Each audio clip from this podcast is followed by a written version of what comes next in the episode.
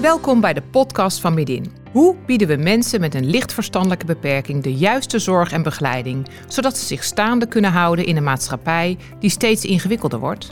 Ruim 2 miljoen Nederlanders hebben een licht verstandelijke beperking, een LVB. Ze hebben een IQ tussen de 50 en de 85.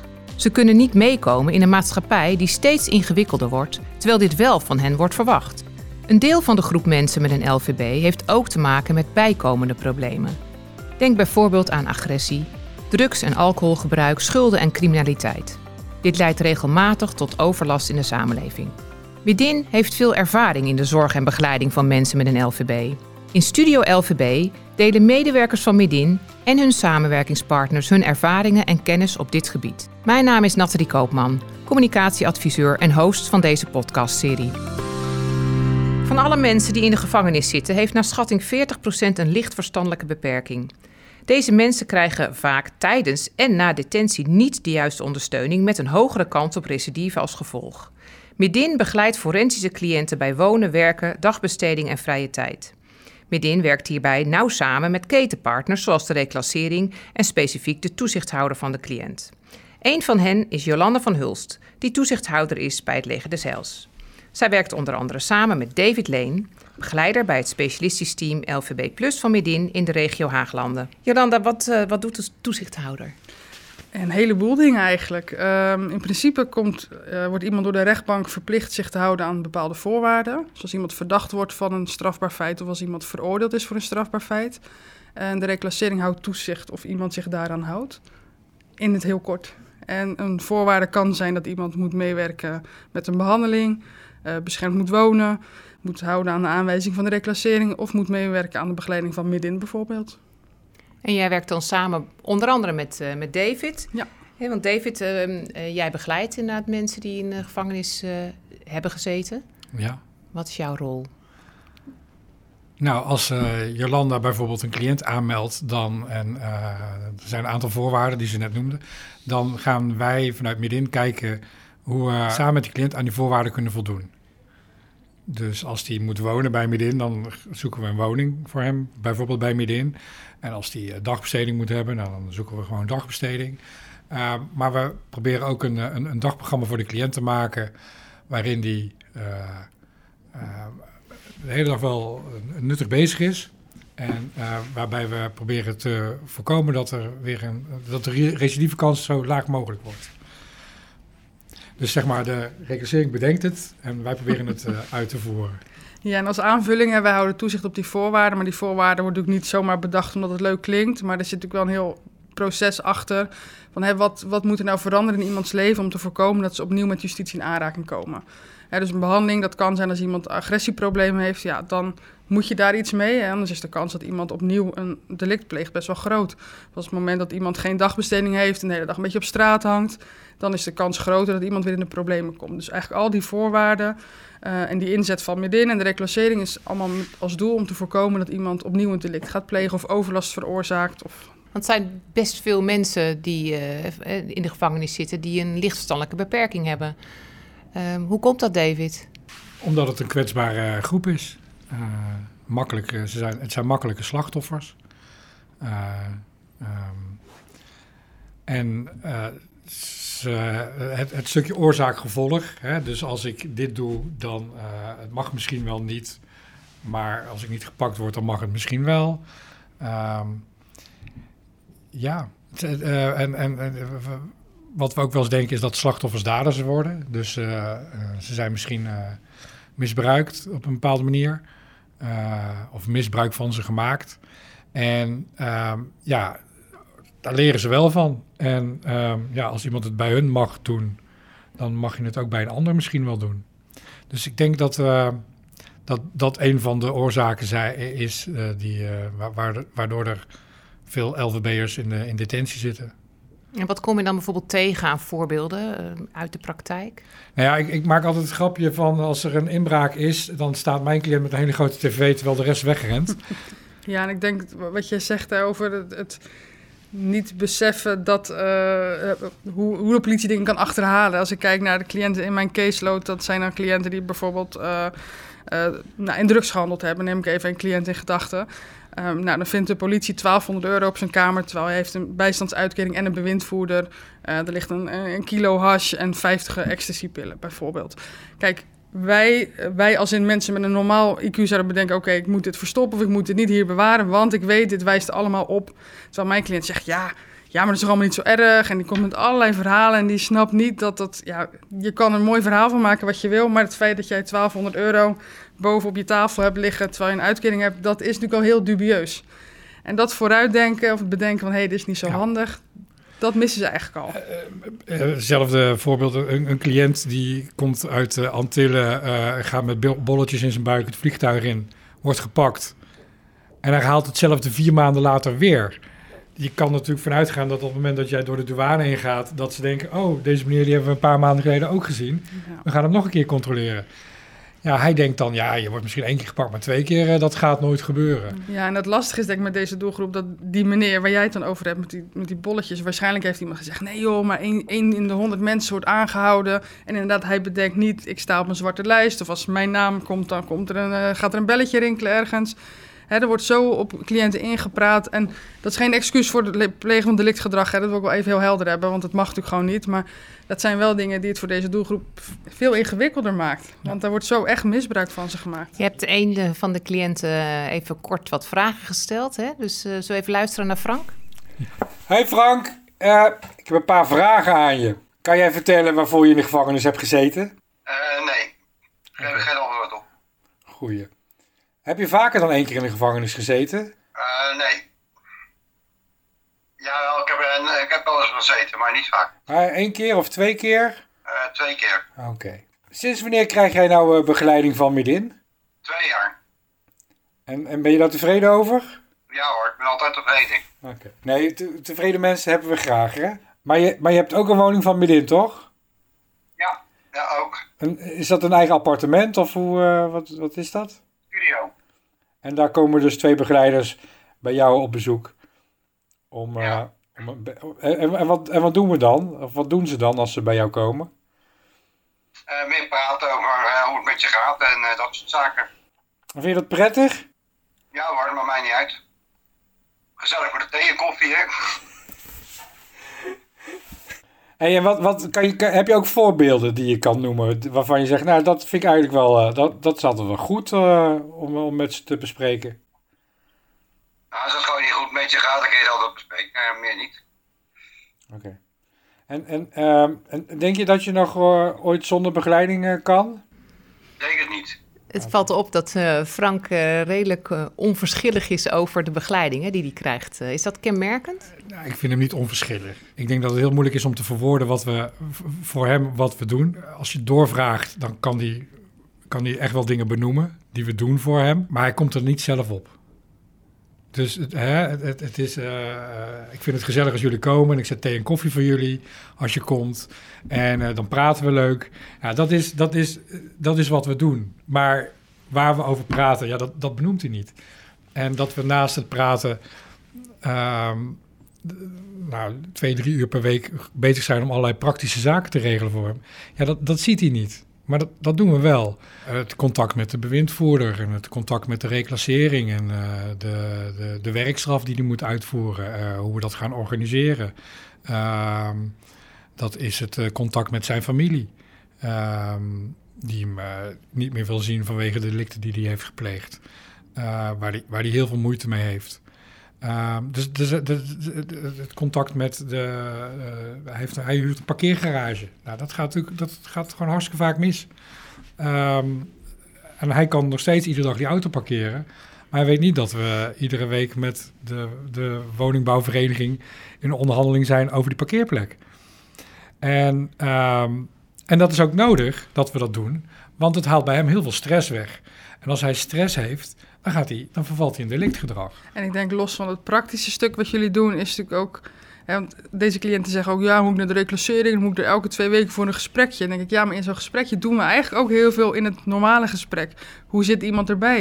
Hé, hey, ik merk dat iemand heel gespannen is, of iemand is heel gestrest, hij is heel kort af, hij verzorgt zichzelf niet goed, ik merk dat hij wat stinkt, of dat hij al lang niet gedoucht heeft. Klopt. Al die signalen, ja. die zijn wij natuurlijk continu aan het verzamelen. Dus voor die cliënt die denkt, nou, kom ik weer een, kop, een kopje koffie drinken, zit ik drie kwartier in de tram voor een gesprek van een half uur. Ja, Dat is zo. Alleen in dat half uur en in die begeleiding die midden doet, als ze bij de cliënt thuiskomen, doen we eigenlijk heel veel aan observeren, signaleren en met elkaar overleggen van... hé, hey, is het jullie ook opgevallen dat hij wat kort af was? Is het jullie ook opgevallen dat hij heel slecht bereikbaar is? En lukt het dan ook inderdaad om recidive te voorkomen? Ja, eigenlijk best vaak wel. Als cliënten op de juiste manier aangesproken worden en uh, we weten ze op de juiste manier te motiveren, dan kunnen we heel veel bereiken. Dus als een cliënt niet gemotiveerd is, dan kun je eigenlijk begeleiden wat je wil, maar dan uh, gebeurt er niks. Klopt. Ik denk dat motivatie is een hele grote doorslaggevende factor, maar het is niet alleen de motivatie, want soms moet iemand ook een bepaalde kans krijgen. En ik heb cliënten die zijn enorm gemotiveerd, maar hè, waar zij wonen, bij het netwerk, enorm slecht netwerk, of die wonen in huis met iemand die dealt of wat dan ook. Dan kun je nog zo gemotiveerd zijn, maar je moet ook de vaardigheden hebben, denk ik. Uh, je moet een stukje mazzel hebben, heb je de juiste mensen om je heen, heb je de juiste plek. En natuurlijk is die motivatie, want als die er niet is, dan heeft het geen zin. Dat, dat is een feit, denk ik. Iemand moet zelf willen, maar iemand moet ook zelf kunnen en de kansen krijgen. En, en hij moet zich ook gesteund voelen. Dus van, ik hoef het niet alleen te doen. Ik, ik, ik, ik kan het samen met, uh, met, met, met David doen of met uh, Jolanda doen. Ik, ik, ik, ik, ik hoef het niet alleen te doen. Stap 1 is natuurlijk gewoon, uh, in, in, en dan hebben we het toch een beetje over lijfwijs, maar stap 1 is toch verbinden en kijken waar zit die motivatie. En inderdaad kijken naar het netwerk en al dat soort zaken. Dat... En lijfwijs is het methodisch kader wat midden gebruikt bij de begeleiding ja. van mensen met een lichtverstandelijke beperking. Ja, ja. en ja, het geeft wel richting. Ja. Dus het ja, het, het, werkt wel. Maar er zijn natuurlijk ook genoeg cliënten waar helaas niet bij werkt. Hè? En die zijn gewoon nog niet toe aan, aan, aan een verandering. En dat kan zijn inderdaad omdat wat, wat Jolande zei, dat, dat hun netwerk nog, dat ze nog te, te verweven zijn met hun oude netwerk. En dat ze daar niet zomaar van loskomen. En ook al doen ze heel erg hun best om, de, om daarvan los te komen. Dus stel nou, ze hebben, die, ze hebben die, dat werk en die dagbesteding en die andere woning dan is het nog steeds heel erg lastig om, om, om los te komen. Dus ook al krijgen ze de kansen, uh, ja, het gaat, het gaat inderdaad over de motivatie, maar er zijn natuurlijk nog veel meer uh, zaken die spelen. En in, in, uh, in, een aantal casus heb je ook samengewerkt dus met Jolanda en doe je dat nog steeds. En, um, kun je iets vertellen over jullie samenwerking, hoe jullie dat doen? Nou, ik denk onze eerste samenwerking was eigenlijk met een cliënt die wij gewoon nergens onder de pannen kregen. Mijn, mijn eerste hoofdpijndossier, zeg maar. Ik dacht, wat moeten we met deze man? Want er zijn heel veel zorgen en het, nou, het ging ook om best wel hoge maatschappelijk impact zijn delict. Het ging over zeden met kinderen. Nou, dat is natuurlijk iets wat enorm speelt in de maatschappij. Je wil daarin de maatschappij ook gewoon beschermen. Dat wil je ook serieus nemen. Uh, dus we dachten, deze man moet onder de pan en die moet de juiste begeleiding en de juiste zorg krijgen. Maar ja, voor heel veel instellingen was het ook wel een beetje spannend. Hè? Want je wilt niet de verantwoordelijkheid hebben voor zo'n cliënt. Want wat als er iets misgaat, worden wij dan als organisatie daarop aangekeken? Allemaal hele legitieme vragen uiteraard. Maar we dachten, ja, iemand moet deze meneer wel een kans gaan geven. En toen kreeg ik via via Davids nummer. En uh, nou, zijn we eigenlijk een heel mooi traject daarin gestart. Heel veel maatwerk. Het was een soort pionier en we hebben er maar wat van gemaakt. En aldoende leerde men en dacht, oké, dit werkt wel, dit werkt niet. En ja, ik vind het een heel Zo. mooi traject. We hebben het ook heel goed afgesloten uiteindelijk. Nee, het was een heel spannend traject. En daar hebben we binnen midden ook uh, tot aan de bestuurder toestemming voor moeten vragen of we mochten starten. En uh, ik denk dat Jolanda ook heel veel extra moeite heeft moeten doen om de financiering rond te krijgen, zodat ja. we het, werk mochten gaan doen. En, uh, maar dat is uiteindelijk wel gelukt. Ja, dan zie je hoe mooi die samenwerking is. Ja. Dat vanuit de verschillende uitgangspunten. Kijk, wij hadden natuurlijk ook heel erg dat maatschappelijke stukje, uh, wat gewoon heel belangrijk was. Want de gemeente zat er ook bovenop. En die dacht ook, deze meneer uh, in een park met kinderen, we willen niet dat dit nog een keer gebeurt. Dus er waren heel veel belangen. En er waren een heleboel mensen die er iets van vonden, dat we er iets mee moesten. En uiteindelijk moesten wij er met elkaar de uitvoering aan gaan geven. Ja. En ik denk dat we uiteindelijk echt een heel mooi traject hebben neergezet. Heel goed hebben samengewerkt, die rollen heel goed hebben kunnen verdelen. En ik denk dat is ook wel uh, wat we daaruit heel erg geleerd hebben. En natuurlijk weet je dat hoor, maar in dat traject kwam het nog meer naar voren. Je positionering. Laat de reclassering een beetje de bad guy zijn. Zodat midden als de begeleider altijd naast de cliënt kan blijven staan. Want je wil dat de cliënt een soort vertrouwensband opbouwt. En hè, dat als een cliënt boos is, want het is ook niet leuk, een toezicht, want er zitten ook regels aan, er zitten consequenties aan. Dan is het heel fijn dat je die ja, rolverdeling heel goed kan, kan scheiden. Dus dat David uh, hè, was dan de leuke David die gezellig een bakje koffie kwam doen. En Jolanda was dat uh, piepmens van de reclassering die weer zat te zeuren, want ik was te laat op mijn werk en ik heb dit niet goed gedaan en ik heb dat niet goed gedaan. En dat hebben we in dat traject echt heel goed kunnen gebruiken om uiteindelijk het doel te bereiken. En dat is heel erg belangrijk, dus om de positie te bepalen. En waarom vind jij het dan leuk om de, de, de bad guy te spelen? Of ik, ik vind het niet per se leuk. maar ik denk, eh, nou, het doel heiligt niet alle middelen. Maar, maar ik denk, het is wel. Uh, uiteindelijk hebben we hetzelfde doel. We willen dat het goed gaat met de cliënt en we willen niet dat hij nieuwe delicten pleegt. En als dat betekent dat ik dan soms dat vervelende mens van de reclassering moet zijn, ja, dan is dat zo. Ja, met op zich inderdaad hebben jullie natuurlijk wel ook andere toch wel, ja, wel hetzelfde belang, maar wel een andere rol. En, en, ja. en ja, dat kan, kan me voorstellen dat het in de praktijk ook wel eens uh, juist uh, problemen oplevert, omdat je toch een andere rol hebt.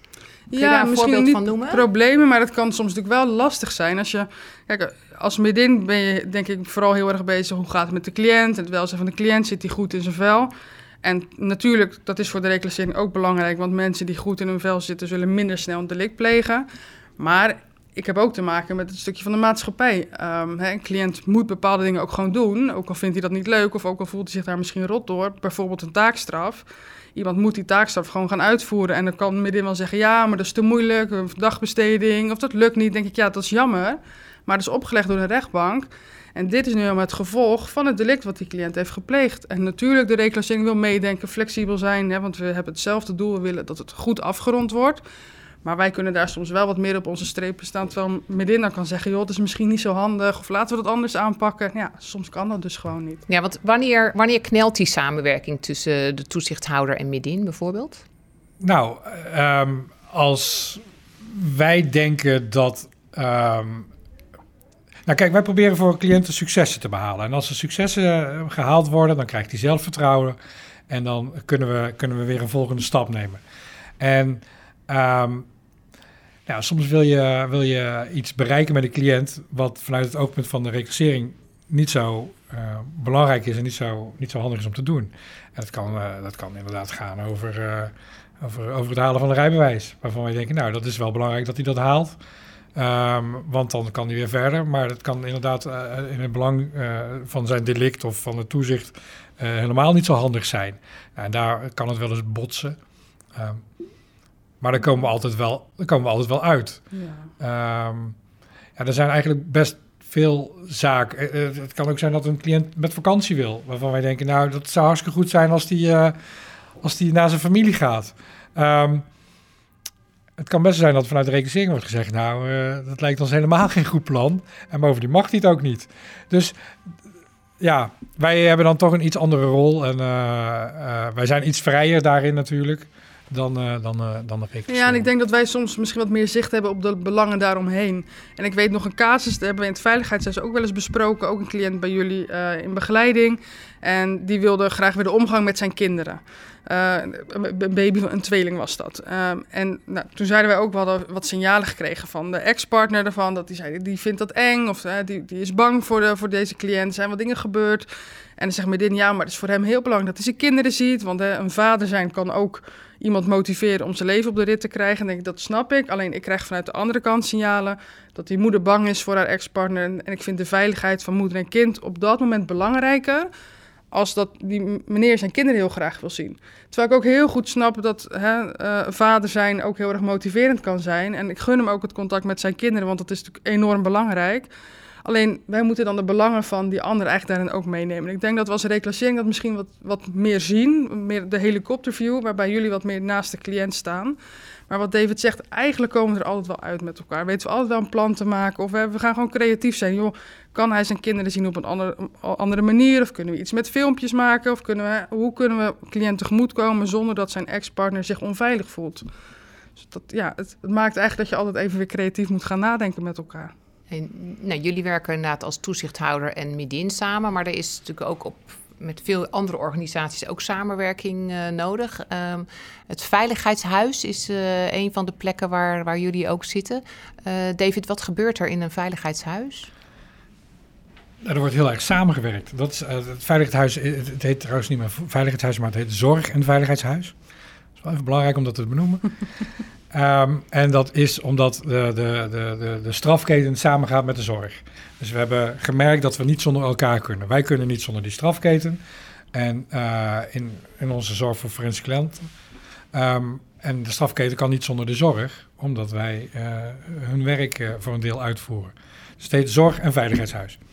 Um, er, werken, er gaan een aantal organisaties zitten daar bij elkaar. Ehm, gemeente Den Haag, het Openbaar Ministerie, de politie, reclassering, Veilig Thuis, ehm, Panassia, Vivor, Midin, Leger des Hels. Nou, noem maar op. Het zit er allemaal. Jeugdbescherming, jeugdformaat.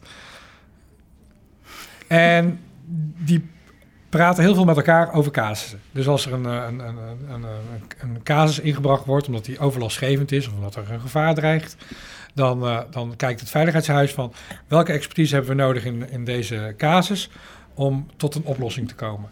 En uh, dus worden er allerlei partijen uitgenodigd om te praten over zo'n casus.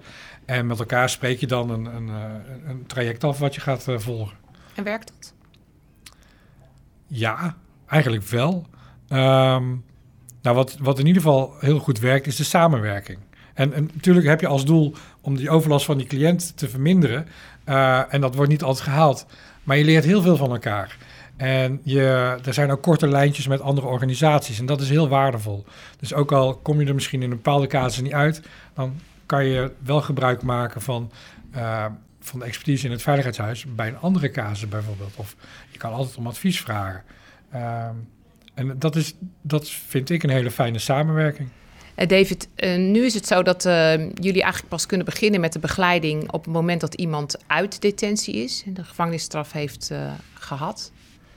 Um, is dat um, voor jullie een, een, wenselijke situatie? Nou, we willen liefst zo snel mogelijk beginnen. Dus het liefst beginnen we al in detentie. Um, want hoe eerder je start met, de, met de reïntegratie of met het maken van een plan, als iemand uit detentie komt, hoe fijner dat is. Um, als ik in detentie al kan uh, zaken kan regelen als, als, als een woonpas of een zorgverzekering of een, een beetje praktische zaken. Bij, bij, wie ga je slapen na detentie? Waar ga je wonen? Um, waar ga je werken? dat soort zaken, ja, als, dat, als we dat pas kunnen gaan starten na detentie, ja, dan, dan is de kans dat het misgaat met zo'n cliënt heel groot. Je komt na detentie, dan val je misschien wel in een soort gat. Hè, wat moet ik nu gaan doen? Ik moet nu gaan zitten wachten. Nou, ik heb wel eens ergens gehoord, en ik weet niet of het klopt, dat de kans op uh, recidive het grootste is uh, binnen de eerste 48 uur na detentie. Nou, en, en dat is, dat is een, een, een, reden dat je zo snel mogelijk wil starten. En dat kan nu nog niet? Nou, we zijn er wel mee bezig om dat, om dat te organiseren. En, en van wie ben je dan afhankelijk? Nou, van de financiering uh, door justitie. Ja, en in principe, de reclassering maakt dan natuurlijk een indicatie aan. Maar bij ons zit er vaak ook nog een wachtstukje tussen. Hè? Dus als mensen bijvoorbeeld veroordeeld worden uh, en die worden al vrijgelaten voordat het vonnis onherroepelijk is of voordat het vonnis bij ons binnen is, dan moet dat nog verwerkt worden. En dan gaan we iemand uitnodigen, dan ben je soms al een week, twee weken verder. Uh, nou ja, wat David zegt, soms ben je mensen al kwijt. Geen idee waar ze slapen, bij wie ze slapen, telefoonnummer werkt niet meer, geen inschrijfadres, nou, noem maar op. Dus daar gaat al best wel veel tijd verloren. Um, nou, dan wordt er altijd gezegd, ja, maar iemand is bij de zitting geweest en die weet dat hij een toezicht heeft. Ja, alleen als je LVB bent, uh, ik weet niet of, of je wel eens bij een zitting bent geweest. Ik moet ook goed luisteren, want soms snap ik ook niet helemaal wat die rechter zegt. Even, hè? Ik bedoel, inmiddels weet het natuurlijk wel, maar in het begin denk je, jee, maar wat praat die man ingewikkeld. Als je LVB bent, volgens mij zou die man Chinees kunnen spreken, versta je er net zoveel van. Dus ja, een cliënt zou theoretisch gezien moeten weten dat hij een toezicht heeft, maar in de praktijk weten we dat dat eigenlijk niet zo werkt. Dus dan ben je iemand al kwijt. Nou, dan bij het leger zelfs zijn we dat wel een klein beetje gewend natuurlijk. We hebben nu eenmaal de doelgroep die geen inschrijfadres heeft of geen vaste of verblijfplaats. Dus we hebben wel wat manieren om iemand te achterhalen. Maar dan ben je al best wel veel kostbare tijd kwijt. In die tijd is iemand misschien gerecidiveerd of die is bij een vriend gaan slapen in een kelderbox en die moet in ruil daarvoor eens een paar pakketjes wegbrengen. Of... Het is natuurlijk allemaal niet wenselijk. Het liefst zou je inderdaad beginnen voordat iemand vrijkomt. Um, we proberen dat ook. We nodigen iemand bijvoorbeeld alvast uit als ze nog in de gevangenis zitten. Van joh, op die datum moet je daar en daar zijn. Dan gaan we meteen de indicatie regelen voor de begeleiding van midin, dat soort dingen. Maar ja, in de praktijk werkt het helaas niet altijd zo mooi als dat we het zouden willen. David, je hebt uh, Frank ook gevraagd wat hij ervan zou vinden als hij al uh, in detentie uh, jullie begeleiding zou krijgen. Hey, en um, dan heb ik eigenlijk nog een, een, een andere vraag nog. Want um, had je het fijn gevonden als, als we al begonnen waren in de gevangenis met, uh, met begeleiden? Uh, dat maakt mij niet uit, maar het is nu uh, het ook zo goed. Zo is het ook goed. Maar um, als er dan. Wat, wat, werd, je nu, werd je nu geholpen in de gevangenis door, door andere medewerkers? Of was nee. het. Nee, je werd gewoon niet geholpen. Dus toen je, toen je buiten stond, toen pas ging alles starten. Ja. Het is, eh, we, zijn, ja, we zijn goed onderweg nu. Ja. Nou, dat, dat waren eigenlijk alle vragen die ik had. Ja, mooi. En het is gewoon in één keer goed gegaan. Mooi, hè? Maar wat zou het, eh, wat jou betreft, kunnen opleveren om al wel in detentie te beginnen, David? Nou, sowieso ehm, ehm, het contact met de cliënt. Dat hij weet eh, wie ik ben. En eh, dat ik ook degene ben die hem, zodra hij uit detentie komt, eh, misschien wel als eerste ziet. Ehm, maar dat ik ook eh, weet waar hij gaat wonen en wat hij gaat doen. En of, of zaken met zijn werkgever goed zijn afgesproken. Nu komt hij uit detentie. Ehm, wij zijn een dag nadat hij vrij was, zijn, we, zijn we naar zijn huis gegaan. Ja, dan tref je eigenlijk een redelijk chaotische situatie aan. Eh, Frank heeft ook een partner. Ehm, nou, die, die, die heeft ook eh LVB-problematiek. Ehm, zij wist niet wanneer die precies ging komen. Hij, hij was dus in één keer thuis. Ja, dat- je loopt tegen zoveel eh, problemen aan. die je, wa- waarbij, waar- waarbij je dus heel snel moet handelen. Want hij, hij is dus thuis. Ja, en, en, en nu, moeten we, nu moeten we direct eh, voldoen aan de voorwaarden en, en, en de afspraken die, eh, die, zijn, die hem zijn opgelegd. Ja, dat is best lastig om, eh, om, om, om meteen te beginnen met een achterstand. En nou klinkt dit nog als een casus dat ik denk, oké, hij heeft een huis om naartoe te gaan. Ja. Maar we hebben natuurlijk ook nog een hele groep mensen die hebben eigenlijk geen huis om naartoe te gaan. Of die hebben geen partner waar ze naartoe Nee. terug kunnen keren. En die staan daar met de, de blauwe vuilniszak bij wijze van buiten de poort. Die hadden een huis oké. voordat ze in detentie gingen. En die zijn eh, maar ja, die zaten een half jaar en eh, die konden niet een half Ja. jaar eh, huur betalen. En die hebben dus een, een huurschuld inmiddels ook. En eh, nou, dus die problemen zijn natuurlijk enorm opgestapeld. Dus ja, Ja. en dan krijgen wij ze binnen. En dan denken we, oké, midden, hier is die. Veel Ja. succes ermee. Nou ja, dan vragen jullie aan ons, eh, kan je deze cliënt bij je midden in wonen? Zeggen we ja, dat kan. En dan moeten we dat hele intakeproces gaan starten. Eh, nou, dan sta je vervolgens een paar maanden op de wachtlijst als je mazzel hebt. Eh, ja, het is gewoon, het is, gewoon heel erg onwenselijk. Je wil al... En het, het is voor ons ook fijn hoe, dat we, hoe meer tijd we hebben om te besteden aan een cliënt, hoe groter de kans is dat, dat, dat iets slaagt. Dus als iemand ehm, heel lang heeft vastgezeten en eh, nou, bij wijze van spreken de, de cel inging toen er nog Nokia's waren en eruit komt eh, en iedereen loopt met een eh, iPhone. Ehm, ja, dat is een hele andere wereld. Het klinkt heel, heel stom, maar los van die twee van die telefoons is er, is er heel veel veranderd. En als je dus iemand eh, eh, van tevoren al kunt voorbereiden op, eh, op die veranderde wereld, dan is de kans van slagen veel groter dan dat je iemand eh, na zoveel jaar uit de gevangenis komt met een vuilniszakje op het station staat met, eh met een Over met, chipkaart. een- met een Huh? overchipkaart en eh denkt, nou, wat moet ik hiermee? En een tientje om een cheque te kopen. Ja. Ja, succes. En laten jullie de cliënt nooit vallen? Of zijn er ook echt situaties dat je denkt, nou, nu kunnen we echt niks meer betekenen? Eh, ik zou willen zeggen dat we ze nooit laten vallen. Maar eh, dat, eh, ehm, laten vallen vind ik wel, vind ik wel een, een brute uitspraak. Soms stoppen we wel eens gewoon met een traject. En omdat doelen niet haalbaar zijn. En dat is niet iemand laten vallen. Maar dat is gewoon in, in goed overleg met elkaar besluiten van... Joh, je, je bent er gewoon nog niet aan toe. Precies. Want ik heb toevallig vanmiddag voor de vierde keer met een cliënt eh kennis met nieuwe begeleiders van Midin. Vorige week de intake gehad. Eh, en dat vind ik wat mooi aan Midin. Die zegt niet ja, maar het is al drie keer mislukt. Die zeggen is goed, wanneer kunnen we komen? Dat waardeer ik enorm, want ik denk deze cliënt was er dus al drie keer niet aan toe. Ehm, en ik weet ook niet of het deze vierde keer gaat lukken, moet ik heel eerlijk zeggen. Want aan motivatie, die is er nu wel, want hij is net vrij. Maar wat gebeurt er met die motivatie over twee maanden? Maar ik denk, dat is wel heel mooi. Op een gegeven moment hebben we besloten inderdaad een overleg... nou, Medin gaat stoppen, want hij komt niet naar de afspraak. Hij is niet bereikbaar, hij werkt niet mee. En Medin staat drie keer eh, bij MJD te wachten... om hem te ondersteunen bij de aanvraag van de bewindvoerder. En hij is er niet. Op een gegeven moment houdt het op. En ik denk dat is ook een les die je cliënten wil leren. Het is niet oneindig, die hulp. Je moet er uiteindelijk ook zelf iets voor doen. Binnen wat jij kan en de mogelijkheden die jij hebt. Maar we staan er wel altijd weer op het moment dat je het wel weer wil. En dat vind ik wel een nou, hele mooie kwaliteit aan Midin. En dat vindt de cliënt ook, want die wilde ook graag weer met Midin samenwerken. Dus ik denk, het, het, laten we ze vallen? Nee, maar soms laten we ze wel even los. Ja. En dan staan we wel met open armen bewijzen van... joh, als je weer wil, je hebt mijn nummer, je weet waar we zijn. Al is het de twintigste welkom. keer, dan, eh, dan zullen we het nog proberen. Ja. Iedereen krijgt alsnog weer een kans. Heel Ja. erg bedankt voor eh, jullie gesprek. Bedankt voor het luisteren. Ben je nieuwsgierig naar de andere afleveringen in de podcastserie van Studio LVB? Abonneer je dan op onze podcast via je favoriete podcast-app. Meer weten over Midin? Kijk dan op www.midin.nl.